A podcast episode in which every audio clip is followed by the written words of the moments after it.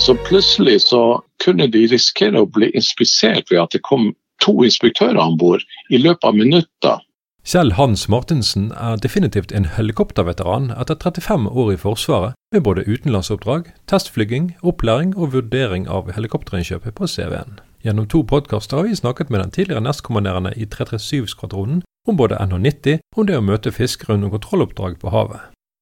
Jeg heter Kjetil Svendsen, og du hører på Tekfisk, podkasten om teknologi og forskning i sjømatnæringene.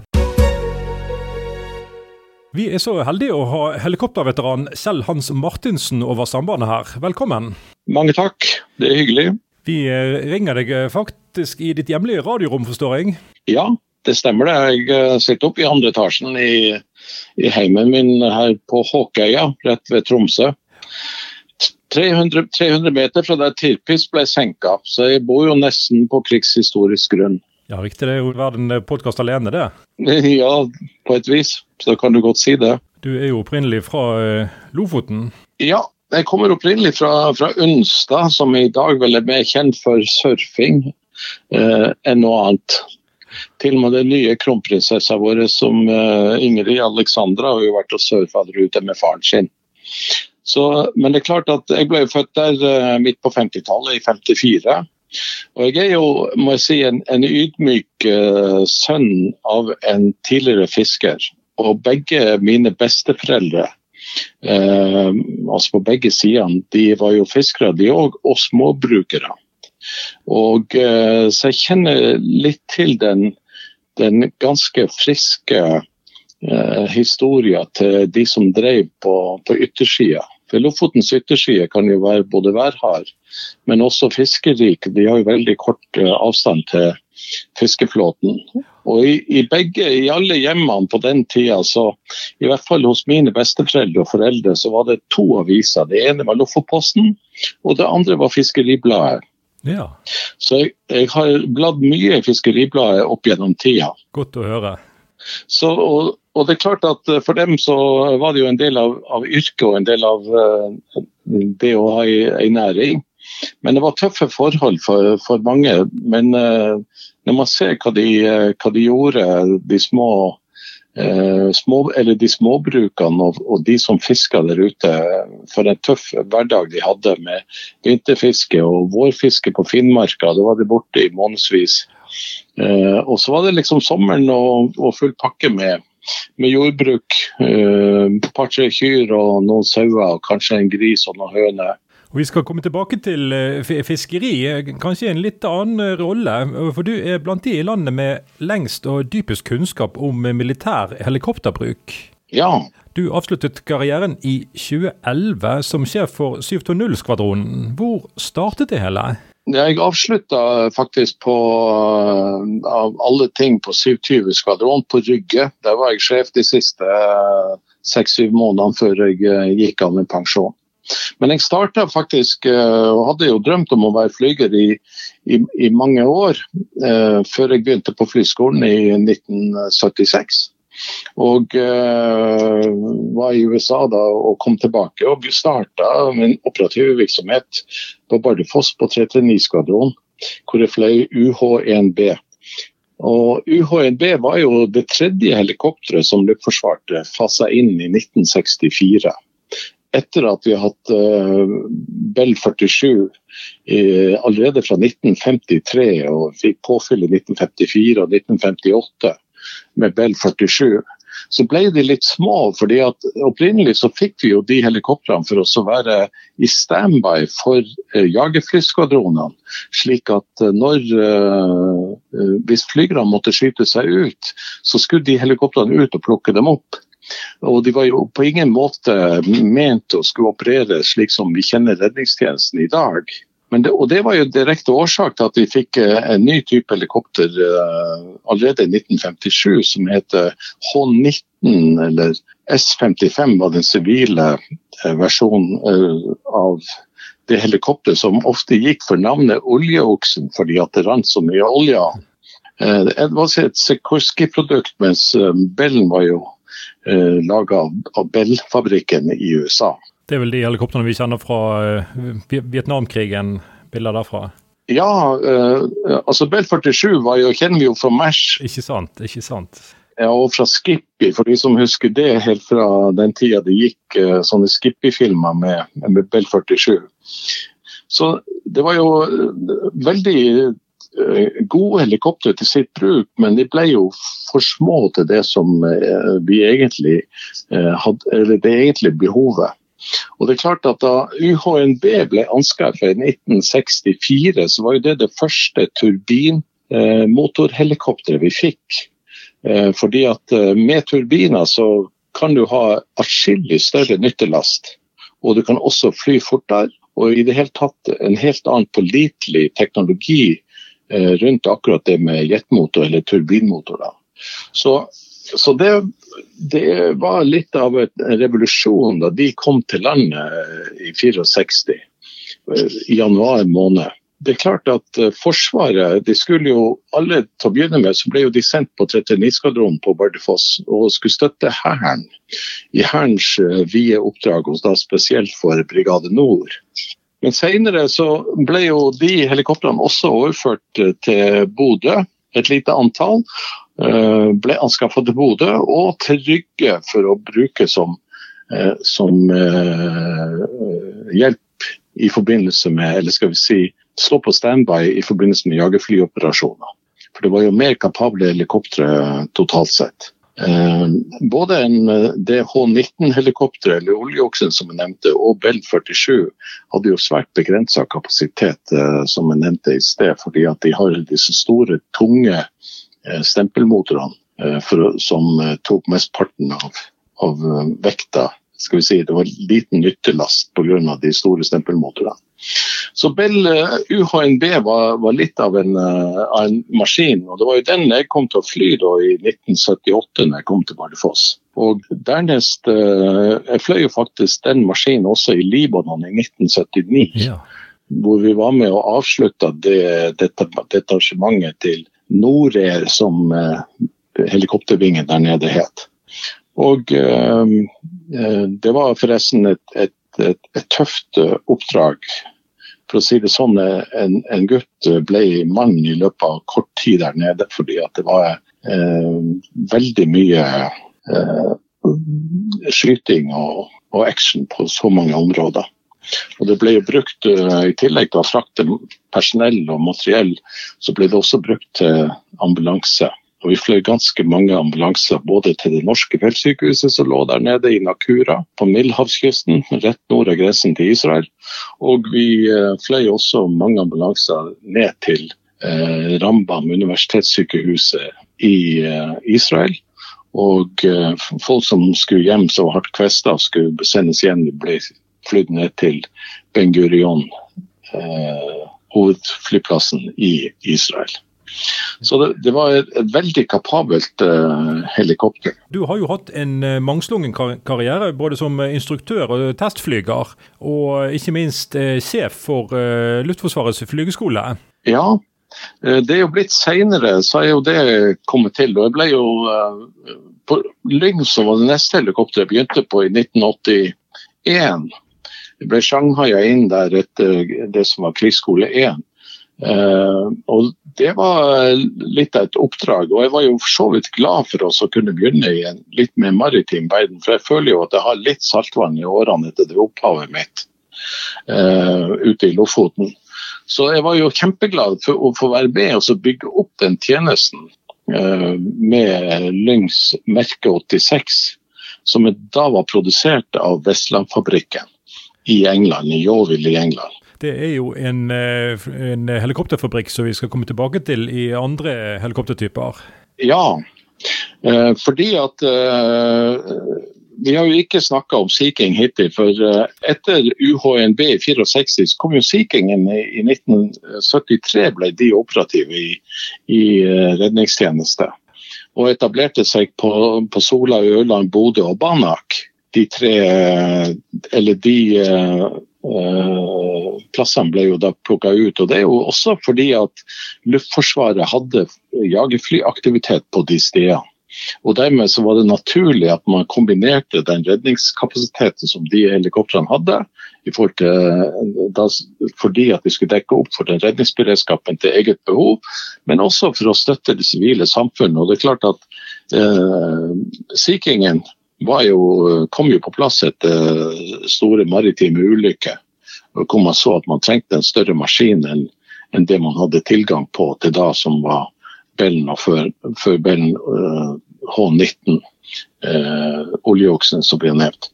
Og uh, Så Sea Kingen gjorde jo, som vi alle vet, en, en fantastisk jobb. Og det ble et helt annet miljø. Og ikke minst langvarig jobb.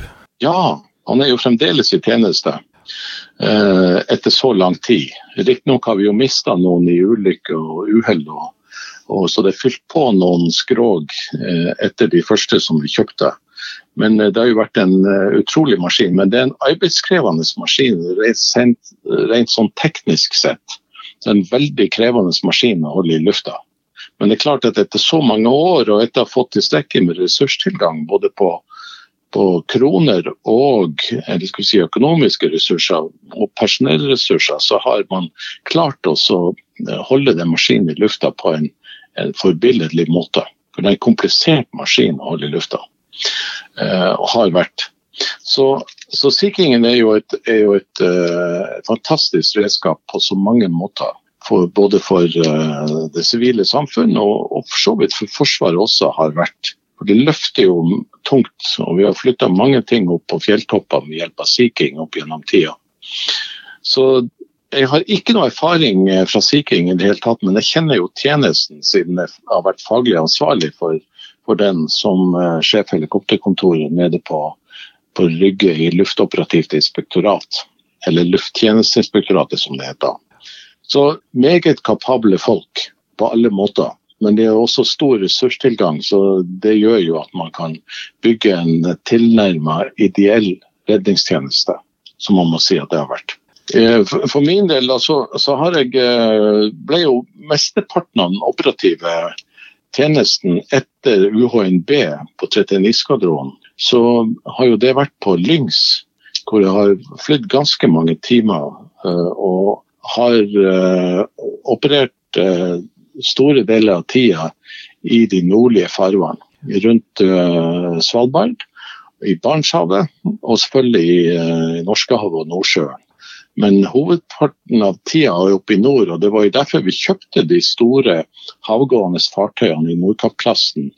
Eh, de tre, eh, Nordkapp, Senja og Andenes. For at helikoptrene skulle være en forlenga arm. Og det var det virkelig når vi fikk den tjenesten opp å gå. Vi ble jo operative 1. mai 1983, husker jeg. Og det var jo en stor dato, men vi hadde store utfordringer i innfasingen. Eh, av det helikopteret. fordi at det var jo, Hvis man sammenligna med Bellen, så, som man til da hadde vedlikehold på Bardufoss, så var uh, Lyngs en helt annen verden. Og to-tre generasjoner etter, etter Bell, eller UNB. Da. Hva lå problemene i eh, under innføringen? Problemet i, i innfasingen med Lynx besto i tilgang på reservedeler og tilgang på eh, kompetent personell til å vedlikeholde. Vi hadde ganske stor gjennomtrekk av, av personell eh, den første tida.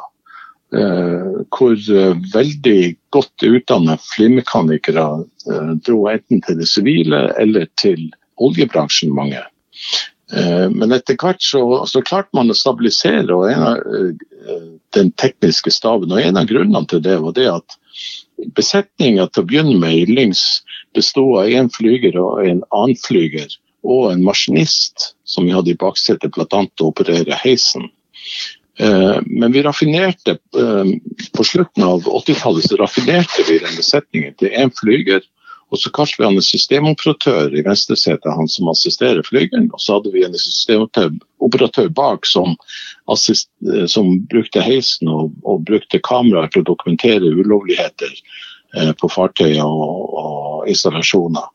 Og eh, det, det, neste da som skjedde, var det at de fikk tilbeordret redningsmenn Fordi at Hvis du skal bruke heisen aktivt i en operativ sammenheng dag og natt hele året, så er vi avhengig av å ha kompetente folk som kan være i heisen når vi skal heise ned inspektører på fartøy. Og ikke minst selvfølgelig i eh, søk og redning, og i de tilfellene hvor vi henter opp folk fra fartøyene for å frakte dem inn til, til sykehus langs norskekysten eller på Svalbard. Så, så det, eh, da vi fikk til det i 1987-88 der omkring, så fikk vi en helt annen bruk av, av Lygsen i operativ uh, sammenheng. Og det har fungert veldig bra. Og du kan si at de aller fleste flymaskinene har jo, når du ser på livsløpet deres og antall problemer til å begynne med, vi kaller det for badekarkurven hvor det er veldig stor, stor mengde med, med, feil og snegg og, uh, som trengs, uh, som holder maskinen på bakken til å begynne med til du får bli kjent med maskinene. Så går den kurven ned, og så har du god tilgjengelig på flymaskinen til de begynner å bli gamle igjen. og Da stiger den sneggraten på slutten, eller feilraten. Så dette er en eh, kjent erfaring? Ja, ja, absolutt. Og det hadde vi også med Lyngsen. Det var en ganske tøff maskin, men vi hadde noen fantastiske teknikere. Eh, eh, instrument, elektro, radio, radar, system, skrog, motor. Det er syv forskjellige eh, bransjer som vi klarte oss å få til å jobbe veldig godt sammen med eh, både det, det, leddet som skulle holde de eh, skal vi si, den, supervision og de, de, som har ansvaret for den tjenesten på Bardufoss og på Luftforsvarets forsyningskommando som, som, da lå på Kjeller. Eh, og, og, et godt samarbeid med fabrikken og med motorfabrikken og med radarfabrikken, eh, så klarte vi å få den maskinen opp og gå på en veldig god måte på, eh, på midten på 80-tallet og framover til eh, i hvert fall den perioden hvor jeg var sjef der, fram til 1997. Eh, fra 91 til 97 var jeg sjef der, og før det så var jo flyger og gikk da de ulike eh, trinnene i utdannelsen og i ansvarsforholdet fra flyger og til instruktør og vingsjef og nestkommanderende og etter hvert uh, sjef etter at jeg kom fra USA. For det var i USA fra 1988 til 1991 som instruktør på storebroren til UHNB, som heter UHNH, som er et av de kjente helikoptrene fra Vietnam. UH-60 uh, Black Hawk. Black Hawk. Så jeg var instruktør på de begge to. Halvannet år cirka på begge de to flymaskinene der borte. Så da jeg kom tilbake til Norge, da, så etter stabsskolen så ble jeg sjef på 337-skvadronen, som er da er Kystvaktens helikopterskvadron. Eh, ja, for uh, helikopterberedskapen er jo uh, delt inn i uh, Det er jo en del tresifrede nummer som vi, vi, andre gjerne går litt vill i. Ja, når det gjelder Du tenker da på skvadronsnumrene og de ansvarene. Yes. Eller det som ligger der. Det er jo redningstjenesten som er da den eldste skvadronen som ble oppretta i 1941. Han var jo, Vi fløy jo til å begynne med på, i, på Island og, og, i, og i Skottland. Eh, og Den skvadronen eh, ble jo satt opp med, med Sea King, som vi nevnte i sted, i 1973. Og så 330 er jo fremdeles landets eldste skvadron som fremdeles er i operativ tjeneste. Etter det så kom jo 331 og 332 og de jagerflyskvadronene som vi kjenner. Og etter hvert også 333, som også er en maritim skvadron som i dag flyr Orion og som skal bytte ut med P8. Så 330-skvadronen de eh, er jo i dag basert på, på Rygge, på Sola, eh, på Ørlandet, eh, på Bodø på, og på Banak. I tillegg så har de en sånn gap-filler nærmest som, skal, som i dag drives sivilt på Florø. Og så har du også en gap-filler som skal være operativ nå fra første eh, juli som en sivil skvadron. Da. Eh, ikke skvadron, men en avdeling eh, som eh, opereres av COC eh, her fra Tromsø. Slik at Det er jo mange nå uh, avdelinger sammenlignet med de fire første som vi starta ut med, som vi nevnte til å begynne med. Så er det nå et, et svært helikopterapparat. Uh, for jeg husker jo selv Da vi begynte på 339-skvadronen, så var jo vi stort sett den eneste tilgjengelige helikopterberedskapen Eh, her oppe i nord. eh, i 82, altså i, i Tromsø-området. Vi hadde jo sivilt luft, eh, helikopterselskap, Lufttransport. Men de, eh, når de da ikke hadde kapasitet eller ikke kunne fly, eller været var for dårlig, så ble ofte vi kalt på. Så jeg fløy jo mange ambulanser Eh, med UHNB eh, fra Bardufoss og ut på Senja og rundt omkring i Troms fylke og da inn til regionsykehuset, som det da het i Tromsø. Men det er klart at med dagens situasjon, med alle de helikoptrene som vi har tilgjengelig, eh, både i 330-skvadronen, men også i, og med de to gap-fillerne som jeg nevnte på Florø, som i dag driver sivilt, men som skal over til Forsvaret, og her i Tromsø, så er det jo fantastisk redningsberedskap sammenlignet med hva vi hadde. Men det er jo også en helt annen krav til, til trygghet for folk både på hav og på land i dag enn det var i sin tid. Det vi kjenner som dagens eh, kystvakt, eh, det, det, var jo eh, en organisasjon som eh, i all hovedsak ble opprettet etter 1977, da Norge utvidet sin økonomiske sone. Og Kystvakten ble da opprettet med tre helikoptre, mener jeg har lest? Ja da, det, uh, og det var jo Stoltenberg-utvalget, uh, han tidligere utenriksminister, som da var leder for det utvalget, som uh, eh, sørga for at vi fikk den såkalte nye, moderne kystvakten. For det heter jo det sjømilitære fiskerioppsyn tidligere, som egentlig starta det første fra 1907, men som uh, fikk et svært oppsving i 1961. Hvor de, og Der kan jeg anbefale den boka som heter Kystvakten, politi og samaritan, eh, som er skrevet av tidligere skipssjef og andre eh, vitale personer i, som dro i gang den kystvakttjenesten eh, i 1961. Fantastisk historie, og det anbefaler jeg å lese for alle som måtte lytte på. Den eh, ligger på pulten min, faktisk. Han gjør det, ja. Jeg har bidratt med noen eh, sider på slutten der. Jeg er ikke helt fornøyd med måten boka er redigert på, det er en del feil i layouten. Men, men, men ellers så, så, står det jo helt på slutten der fra eh, side 300 ca. Så, så, så, kan du lese litt om, om Kystvakten og innfasing av, av. Og eh, Kystvakten den eh, lander jo bredt, eh, både militært, men med en sivil hverdag. Og som du sier, politi og samaritan. Hvordan opplevde du tiden der selv? Du har jo vært i kontakt med fiskeri og fiskerinæringen, på, på godt og vondt.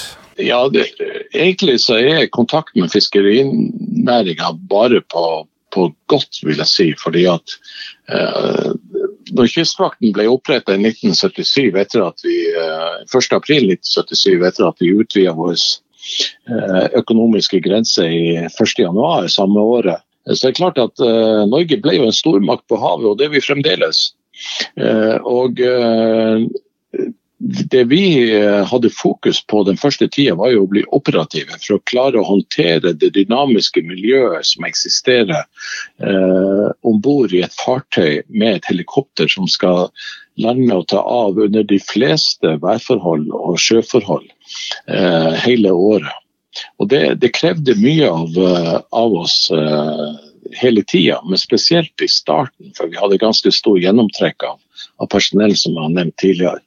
Men, men det møtet med fiskeriene, eh, som for vår del, det skjedde jo selv om vi var med når Nordkapp-klassen ut, så var jo vi med enkelte ganger ut på fartøy på inspeksjoner hvor vi tok boreksbåt over. Da vi eh, kom så langt eh, på slutten av 80-tallet at vi begynte å bruke heisen for å sette ned inspektører ved hjelp av eh, redningsmannen som sikring. Redningsmenn er forresten en fantastisk gjeng med fagfolk som eh, setter livet på spill i så mange sammenhenger, men som er ubegripelig dyktige på så mange områder. Uansett, eh, når vi da begynte å sette ned inspektører på fartøy, så tror jeg det kom som et lite sjokk på mange av fiskerne som opplevde det å se gråmalte fartøy på avstand til uh, å kunne forholde seg til dem, enten på radar eller på optisk avstand. Så plutselig så kunne de risikere å bli inspisert ved at det kom to inspektører om bord i løpet av minutter. Du har hørt på Tekfisk podkasten om teknologi og forskning i sjømatnæringene.